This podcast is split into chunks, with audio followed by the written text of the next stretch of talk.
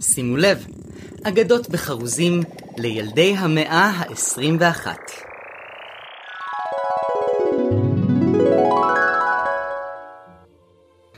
היו הייתה אישה שרצתה להיות כוכבת, אבל בסוף כל אודישן תמיד קיבלה תשובה מאכזבת. אם ארצה להתפרסם, עליי לזכור. לאן תמיד מכוונים את הזרקור? היא חשבה וחשבה, מוחה לא נרגע. ילדים הם אלו שגונבים את ההצגה. היא יצאה אל הפארק, ישבה בצל עץ ברוש. הגיע הזמן שלי לזוז הצידה ולפרוש. הלוואי שתהיה לי בת קטנה, היפה בתבל, לו רק משאלתי תשמע ותתקבל. העץ הזקן שמע את תחינתה, ועיבר בגזעו תינוקת בדמותה. האישה לא האמינה שזה אפשרי. העץ שמט אליה ענף, והנשיר אליה פרי. היא הייתה מבוהלת ורצתה לצעוק, אך בתוך הפרי היה תינוק. כלומר, תינוקת קטנטנה, ממש דוגמנית. היא החליטה לקרוא לילדה אצבעונית. זה היה שם קצר, נחמד וקליט. ברור שהילדה תהפוך ללהיט, והשם אצבעונית אמנם לא היה מקובל. אבל עם שם כזה עושים לייק וזוקפים את האגודל. בתוך מספר שנים פנו אל האם אלפי סוכנים. כולם רצו ייצוג בלעדי של אותה הילדה, הנס הפלאי. מכל העולם שלחו צוותי חדשות. הילדה הקטנה בתריסר היבשות. כשהייתה אצבעונית, ממש נערה, היא נבחרה לריאליטי בשם הסירה. והסיפור כולו בקליפת אגוז הוא פשוט לשוט. בקליפת אגוז. אצבעונית קיבלה זמן בלתי מוגבל לשוט לבדה בקליפה על יובל. יובל של מים הזורם לנחל. הדגיש המנחה שהיה זחל. הנה אצבעונית חותרת בלהט! אמרה מנחה אחרת, שהייתה תולעת. אצבעונית התנגשה בסלע, והייתה צריכה דחיפה. אבל אוי לא, לפתע, אצבעונית נסחפה. הזרם זחף את קליפת האגוז למפל. אצבעונית התעוררה בראש מעורפל.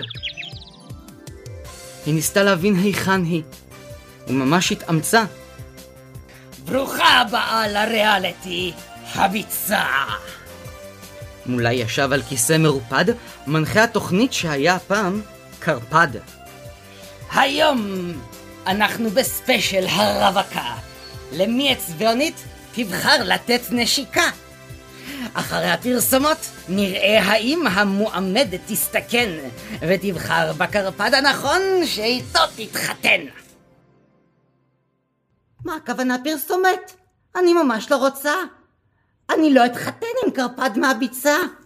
אצבעונית, אספי מיד את עצמך. יש לי חוזה שחתמתי בשמך. סליחה, מה זה? אתה מסתלבט? אמרה אצבעונית, וחשבה כיצד להימלט. אם חתמת בשמי, בסדר גמור. יופי, אפשר לחזור לשידור.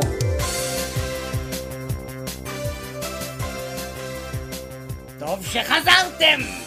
ספיישל הרווקה? טוב שחזרתם, אני עדיין מחכה. חשבתי על זה, וממש לא בצחוק. מי מכם יוכל לזרוק אותי באוויר הכי רחוק? הקרפדים התרכזו כמו פרופסורים בפקולטה, ובנו במיוחד לאצבעונית קטפולטה. את יושבת כאן?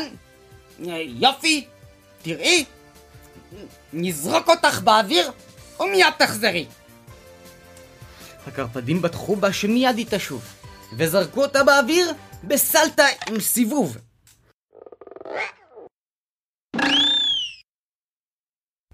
וכשסיימה לעופף וגובהה הונמך, אצבעונית פרסה את שמלתה כמו מצנח. שלום, אה, לאן הגעתי? מה שם הכפר? הגעת לתוכנית האח החפרפר. 24 שעות במערות חשוכות. אני המנחה, התקבלת. ברכות. נתחיל בסעודה, מה תאכלי, מה תשתי? ודרך אגב, מעכשיו את אשתי. אני אשתך? אצבעונית שאלה מצומררת. למה שלא תנסה למצוא לך חפרפרת? זה הכל עניין של טעם אישי. אני מעדיף בנות עם מראה אנושי. ומה לגבי מה שאני רוצה? לפני חמש דקות רצית לברוח מהביצה. משדרים את זה עכשיו בכל המהדורות. ומעתה הטאלנט בלעדי שלי ללא פשרות. אבל אם אתה רוצה לצלם אותי לתוכנית מציאות, רצוי שתהיה גם לנו תחרות. אם תרצה שעוד חפרפרים יצפו, צריך לוודא שלא יזפזפו. ויש לי בשבילך אתגר ממש נפלא. מי מוציא יותר זמן את הראש מהמחילה? להוציא את הראש? אבל בחוץ יש אור שמש מסנוור. כבר התחלת לחשוש? בוא נראה מי יישבר. אני חושב שזה רעיון טיפשי ודבילי, אבל אם את רוצה להתחרות, עדיף שאת תתחילי. מסכן החפרפר, הוא בכלל לא קולט שאצבעונית שוב מנסה להימלט. היא מיד קפצה על גזע עץ, משם היא זינקה בשלושה גלגולים. דילגה מעל הסטפר המתכווץ, ועברה בקלות את ג'ונגל החבלים. משם אצבעונית התכוננה לשיגור, ותפסה תנופה על שלושה ענפים. חצתה כמו חץ את הגשר השבור, ונחתה ברכות על בר הקופים. היא ביצעה מיד חילוף וסיכול, כדי לכסות את הקיר הכפול. לקפיצת מוט המתח הכינה בלוט. מתלה אצבעות הברזל עבר בקלות.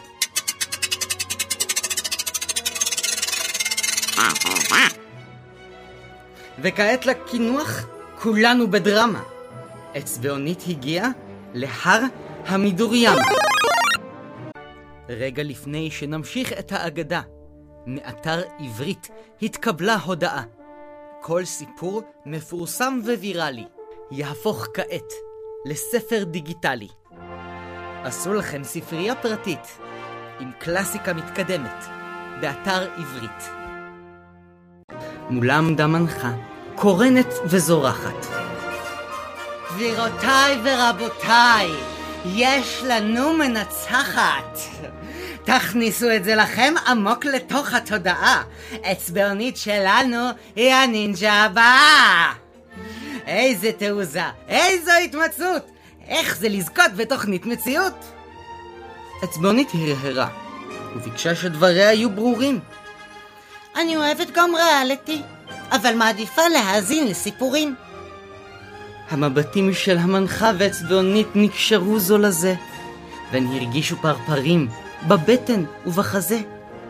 לאחר הניצחון בפרס הנינג'ה הבאה, השתיים התאהבו ויצאו למסיבה. ובכך הסתיימו כל התלאות. המנחה ואצבעונית הפכו שתי כלות.